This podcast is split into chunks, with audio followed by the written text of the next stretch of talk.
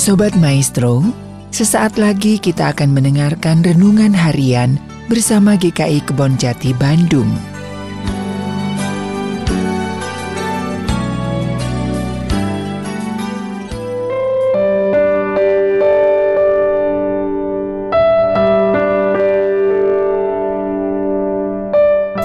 Salam sejahtera saudara sekalian yang terkasih dalam Tuhan Yesus Kristus. Apa kabar? Semoga kita selalu dalam keadaan yang baik, dalam keadaan yang sehat. Jumpa lagi bersama saya Hermanto dalam program Renungan Harian GKI Kebon Jati. Tema renungan hari ini adalah Kuasa Tuhan sungguh nyata hadir. Bahan renungan hari ini diambil dari Injil Lukas pasalnya yang ke-11 ayat 14 sampai dengan 23 di mana Lembaga Alkitab Indonesia memberikan perikop ini dengan judul Yesus dan Beelzebul. Mari kita membacanya bersama-sama. Pada suatu kali Yesus mengusir dari seorang suatu setan yang membisukan. Ketika setan itu keluar, orang bisu itu dapat berkata-kata, maka heranlah orang banyak. Tetapi ada di antara mereka yang berkata, ia mengusir setan dengan kuasa Beelzebul, pengguru setan. Ada pula yang meminta suatu tanda dari surga kepadanya untuk mencobai dia. Tetapi Yesus mengetahui pikiran mereka, lalu berkata, "Setiap kerajaan yang terpecah-pecah pasti binasa, dan setiap rumah tangga yang terpecah-pecah pasti lumpuh.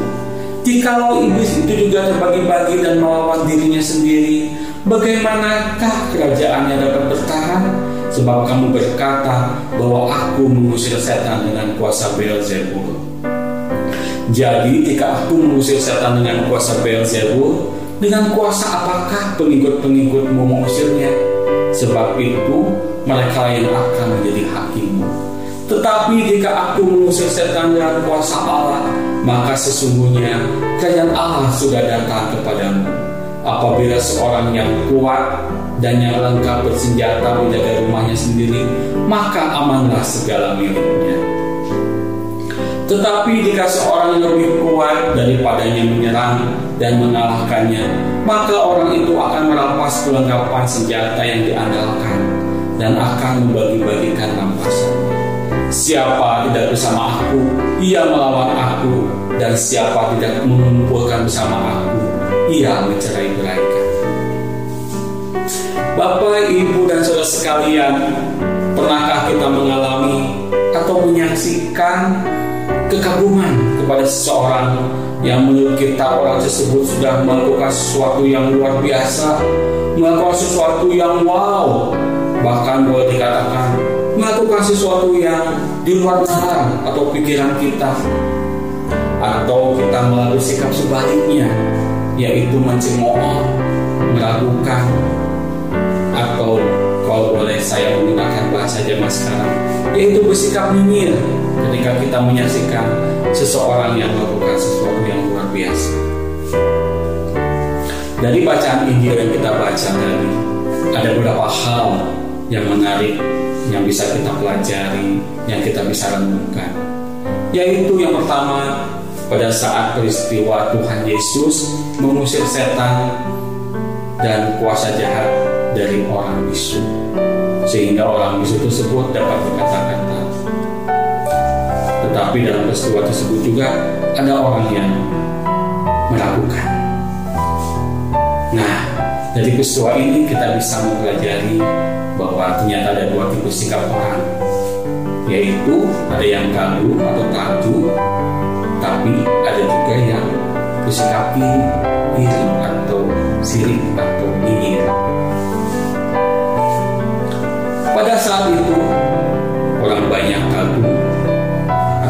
kuasa Yesus yang dapat mengusir setan dan mengusir roh jahat dari seseorang di mana roh jahat itu membuat orang tersebut menjadi bisu. Kagum karena orang bisu itu sembuh dan akhirnya dapat berkata-kata. Itulah tipe eh, sikap yang pertama, yaitu kagum. Betul sejatinya tindakan Tuhan Yesus merupakan tindakan yang membebaskan orang yang mulanya bisu tersebut tidak bisa mengatakan apa yang dipikirkan, apa yang dirasakan pada orang lain. Sekarang mampu mengutarakan apa yang ada di pikiran dan hatinya. Di sini kita melihat belas kasihan Yesus mendorong Tuhan Yesus untuk mengusir roh jahat dari orang bisu tersebut. Tetapi di pihak lain, di sisi lain, pada saat peristiwa tersebut terjadi, ternyata ada juga orang-orang yang tidak bersuka cita atas kesembuhan orang bisu tersebut. Mereka malah menjadikan peristiwa penyembuhan itu untuk menghakimi Yesus, untuk mengatakan Yesus.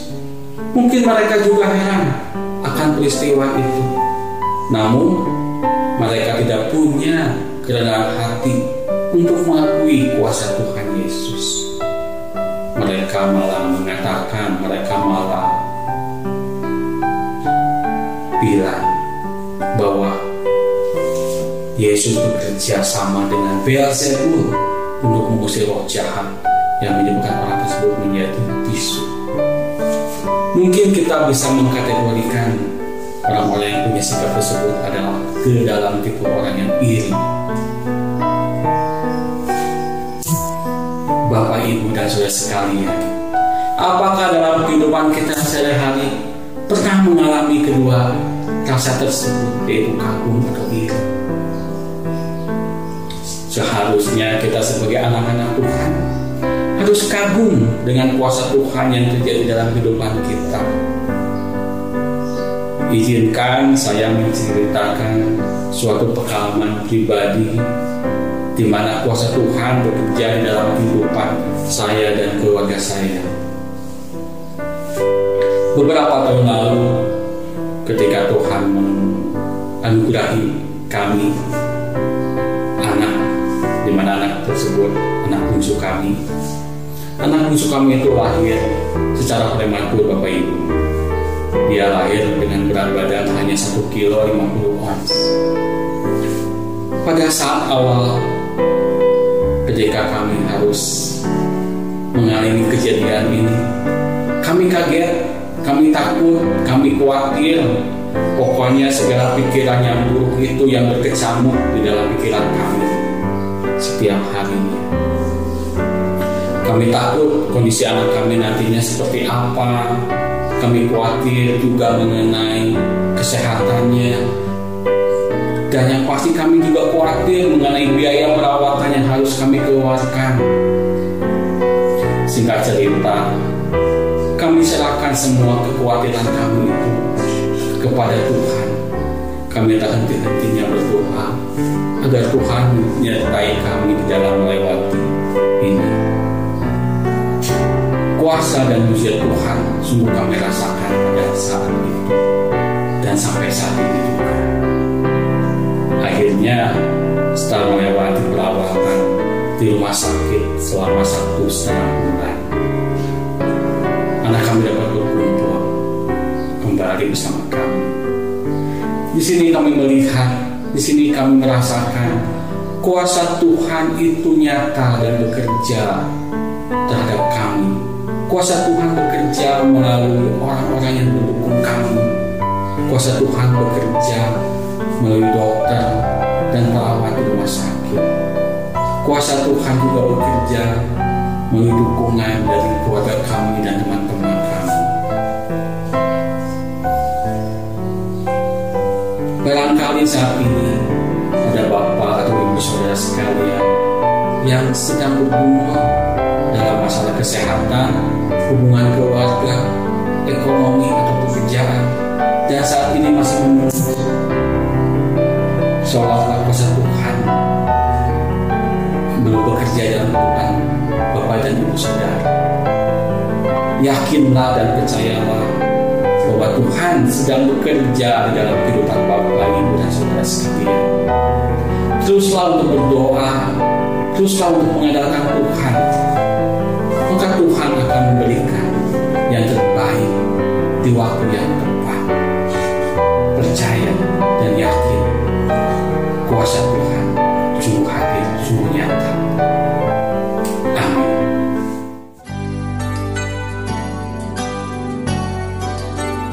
Sobat Maestro, baru saja Anda mendengarkan renungan harian bersama GKI Kebon Jati Bandung.